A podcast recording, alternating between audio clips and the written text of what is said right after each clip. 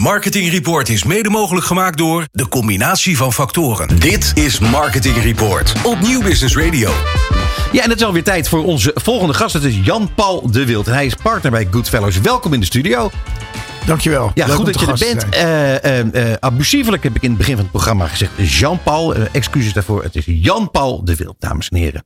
Jan-Paul, eh, partner bij Goodfellows. Eh ik vind het heel leuk om met jou over eh, je vak te gaan hebben. Maar niet nadat jij jezelf eerst even kort hebt voorgesteld aan de luisteraars. Ja, zeker. Nou, Jan-Paul de Wild, eh, 53 jaar. Ik ben eh, sinds eh, 12 jaar ben ik eh, managing partner en, eh, en eigenaar van een company, merkactivatiebureau. En eh, sinds dit jaar zijn we het eh, bureaunetwerk eh, Goodfellows eh, gestart. Ja. Eh, nou, Company eh, behoeft eigenlijk verder geen toelichting, denk ik. Zeker niet op dit moment, want we gaan over Goodfellows hebben. Ehm eh, Goodfellows, ehm, ja, wat, wat is het idee daarachter om, om Goodfellows te starten? Ja, het idee leeft eigenlijk al een aantal jaar. Hè? Voor de mensen die, die, die wat korter erin vallen. Dus Company eigenlijk al bijna 25 jaar merkactivatiebureau in de breedste zin van het woord. Eh, echt wel uitgebouwd tot een household name in uh, merkactivatie. En uh, ja, ze zijn eigenlijk al voor COVID aan het nadenken van... Ja, wat, wat, wat, wat wordt de next step? En je ziet eigenlijk wel dat marketing, communicatie en, uh, en events... dat zijn eigenlijk best wel twee silo's in de markt. Wij zitten echt een beetje in, ik noem het maar de Bermuda-driehoek daartussenin. Hè, mm -hmm. Tussen creatie en, en events. Um, en in COVID hadden we al sterk het gevoel dat we zeiden van uh, ja, de, de beste jaren van live en de beste jaren van merkactivatie, die moeten gewoon nog komen. En je ziet eigenlijk sinds COVID zie je een enorme herwaardering voor live contact. Hè, zegt ze alle marketing. En terecht. Ja, en terecht denk ik ook ja. wel. Uh, het is natuurlijk een sweet spot die voor merken steeds moeilijker te raken is. En, en na 20, 30 jaar van alleen maar voorspoed heeft COVID ons natuurlijk doen beseffen. Uh, dat de priceless moments toch gewoon heel vaak in live contact zitten. Nou, je ziet de digitale funnel, die raakt natuurlijk steeds meer uitgekristalliseerd. En je ziet ook wel dat, ik, ik zeg altijd maar, ja, wij zitten gewoon in de laatste 25% van merken en consumenten hun leven. Uh, en dat is gewoon die 25% waar heel veel priceless moments in zitten. Je ziet de reisbranche gaat, gaat heel goed. Retail media gaat goed. Outdoor reclame gaat goed op dit moment. Ook merkactivatie, concerten, voetbalwedstrijden, festivals. Uh, uh, ja, ik vind het leuk om daar even op in te haken. Mag het sorry niet meer in de zeker Bas, vallen. Zeker Bas. Maar um, wij hebben morgen hebben de, de Cross Media Awards. En een van de inzenders, dat is uh, We Fashion. En die zijn ingestapt op het fenomeen huwelijken na corona. Hebben ze uitgerekend dat er 10 tot 12 miljoen mensen naar een huwelijk zijn geweest na corona. Als een soort van babyboom-achtige of een pre-babyboom-achtige operatie. Ja. Is toch geweldig? Ja, geweldig. Ja, nee, ja ook dat soort dingen. is een enorme, een enorme uh, herwaardering voor sociale en, en familiecontacten. Is een enorme inhaalslag geweest natuurlijk na COVID.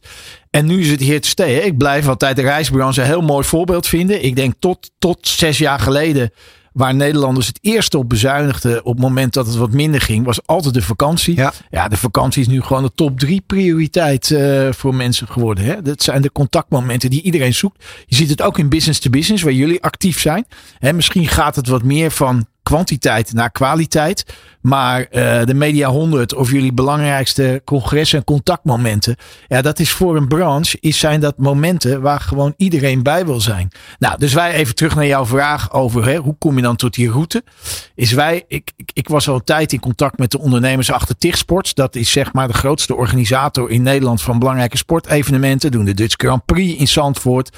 Wat natuurlijk een logistiek paradepaardje is. Zeker. KLM Open in golf, short track in uh, Ahoy. Uh, grote WK's en EK's of sportevenementen. En die liepen al een tijd met de gedachte van ja, wij willen gewoon gaan verbreden in live. We hebben weinig marketing, communicatie en activatie in huis.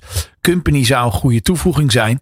En toen zijn we verder gaan denken en borduren met elkaar. En toen kwamen we eigenlijk van ja, ja er is eigenlijk gewoon helemaal geen goed bureaunetwerk in Nederland. Wat zich helemaal richt op live ervaring en alle marketing, communicatie en diensten die daaraan verbonden zijn. Nou, nou, eigenlijk, dat, eigenlijk is die er wel, alleen die doen het niet echt. Het heet zo. vind ik. Ja, ze zitten heel erg in silo's. Dus je Ja. ziet echt eventorganisatiepartijen. Die zitten heel erg gewoon in de praktische fysieke organisatie. En dan zie je activatiebureaus als Company en Xaga en dat type bureaus. Die zitten wel heel erg echt in de marketing communicatie en de business event kant daar, daarvan. En je ziet eigenlijk niet heel veel netwerken waar dat eh, verbonden is. En je ziet eigenlijk tot, tot op de dag van vandaag dat de traditionele meer marketing communicatiebureau netwerken die nu gebouwd worden, dat die eigenlijk een beetje wegblijven van alles wat te maken heeft met, met, met, met live interacties. Toch een beetje vak apart. Ehm, het, het, het is ook wel een kostenintensieve bedrijfstak.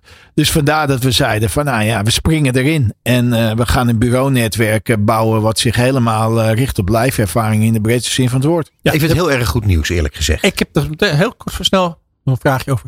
Het eh, eh, eh, bureaunetwerk, is het een samenwerkingsverband? Of is er een eh, aandelen swap?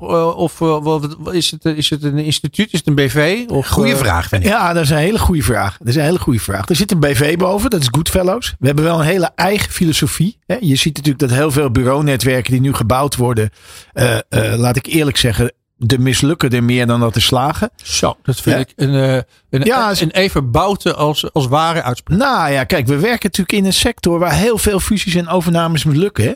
Dus we geloven gewoon heilig in het ondernemerschap. Hè? Dus we willen dat iedereen expert blijft in zijn discipline. Company moet goed blijven in merkactivatie. Tichtsports moet goed blijven in sportevenementen. Dus Onze die andere brands blijven ook bestaan. Ja, en we willen ook ondernemers in al die labels. En het eh, netwerk is er echt voor de ondernemers. Om ze te ondersteunen aan de achterkant met allerlei diensten. En aan de voorkant commercieel dingen bij elkaar brengen. Maar we willen ook geen eh, zware overheads. Nee, we zijn echt gewoon eh, ondernemers die met elkaar een bureaunetwerk hebben gelanceerd. Eh, en daar de beste specialisten rondom live, eh, die zelf ook ondernemer moeten zijn en blijven, gewoon aan, eh, aan verbinden. Dus jij kunt ook gewoon partijen inhuren die concurreren met partners in het netwerk. Als Ja. je dat beter vindt. Ja, ja, een van onze belangrijke vertrekpunten is ook, we geloven niet in gedwongen winkelnering. Daar zit de markt gewoon vaak niet op te wachten. Uiteraard gaan we onze uiterste best doen om eh, verschillende dochter, eh, dochterlabels eh, overal naar binnen te krijgen en eraan te verbinden. Maar we hebben ook heel veel partnerships met andere partijen uit het netwerk, dus uit de wereld. Dus daar gaan we gewoon mee door. Kijk, jij brengt eigenlijk een ontzettend positief verhaal, vind ik. Alleen al vanwege het feit dat je, ook de wijze waarop je het vertelt overigens, mijn complimenten.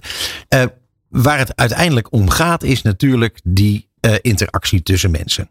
Eh, je gaat pas, eh, dat vond ik ook heel slim van mijn collega Bas, die met het Nederlands Media Netwerk begon. Maar dan heb je een netwerk, maar mensen moeten elkaar wel ontmoeten op enig moment, want anders doe je geen zaken met elkaar. Nu zeg jij, de beste jaren moeten nog komen. Dat maakt het hele verhaal nog positiever. Waarom moeten de beste jaren nog komen? Waar baseer je dat op? Nou, daar baseer ik ten eerste op dat je ziet dat het digitale landschap nu in een volwassenwordingsfase komt. Hè, waarin er toch ook steeds meer restricties en barrières aan verbonden worden. Hè, on- on- ongeveer 80% van ons leven, hoe we, hoe we informatie consumeren, speelt zich in een digitale omgeving af.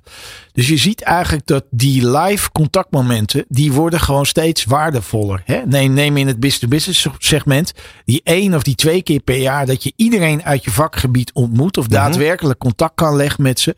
Dat is gewoon extreem waardevol. Daar kan je bijna het hele jaar verder op, eh, op voortborduren.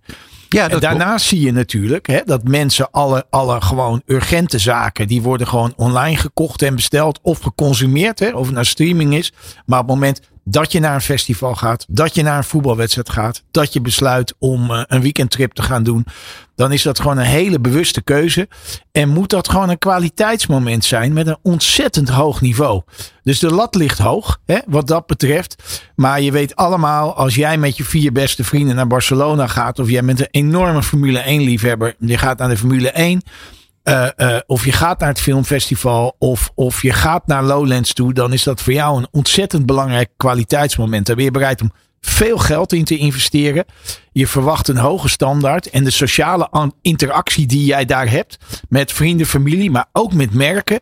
ehm, ja, daar sta je ontzettend voor open. Ja. En ehm, nou, dat ga je nu ook in retail zien. Hè? Ik denk dat, ja, laten we gewoon heel reëel zijn. Ik denk dat ongeveer de helft van het retaillandschap gaat verdwijnen de komende jaren. Maar dat wat overblijft, Dat worden ontzettend hoogwaardige contactmomenten uh, uh, voor mensen. En het is ook, hè, dat zie je nu ook met outdoor reclame. Het is ook een belevingswereld waar merken eigenlijk het zich er zijn steeds minder massamedia en merken kunnen het zich gewoon niet permitteren om niet meer aanwezig te zijn op dat soort live contactmomenten. Ik denk mensen die dat niet doen, merken die dat niet doen, ja, die beklijven gewoon niet meer in de toekomst bij doelgroepen. Uh, maar het is wel hele complexe materie. Hè? Om als merk te zeggen, uh, wat wij bijvoorbeeld doen van Espresso. Ik wil graag op een doelgroep als Lowlands activeren. Of je zegt, luister, ik wil rondom de Dutch Grand Prix activeren. Uh, of andere evenementen. Nou, het is arbeidsintensief. Het is kostenintensief. Het is hard werken om het goed meetbaar te maken. Je Zeker, moet ja. echt met creatief hele onderscheidende concepten komen. Um, dus je ziet wel dat de drempel om daar goed te kunnen acteren, die komt steeds hoger te liggen. Nou, dus wij denken dan ook dat als je als groep in al die facetten van die wereld gewoon steeds meer specialiseert, um, dan heb je voor merken en ook voor andere bureaus, heb je gewoon, ja, heb je gewoon steeds meer te bieden. Ja, ik, nou ja, ik ben het helemaal met je eens. Uh, je geeft aan, hè, duur instrument, het moet op een hoog niveau. Uh, denk je dat, uh, dat de adverteerders over de hele linie hier klaar voor zijn? Uh, ja, heel veel adverteerders nemen al het heft echt in eigen handen. Als je kijkt naar, naar Albert Heijn is een goed voorbeeld. Hoeveel eigen live concepten heeft hij al wel niet. Zowel in de winkels als, als eigen evenementen die ze organiseren als sponsorships. Dus je ziet echt de grotere partijen zie je er act, al actief in. Maar ook bijvoorbeeld in de business-to-business -business markt. Hè. AVAS is een heel goed voorbeeld. Het is een partij die ontzettend gelooft in live interactie om zijn doelgroepen in verbinding te brengen.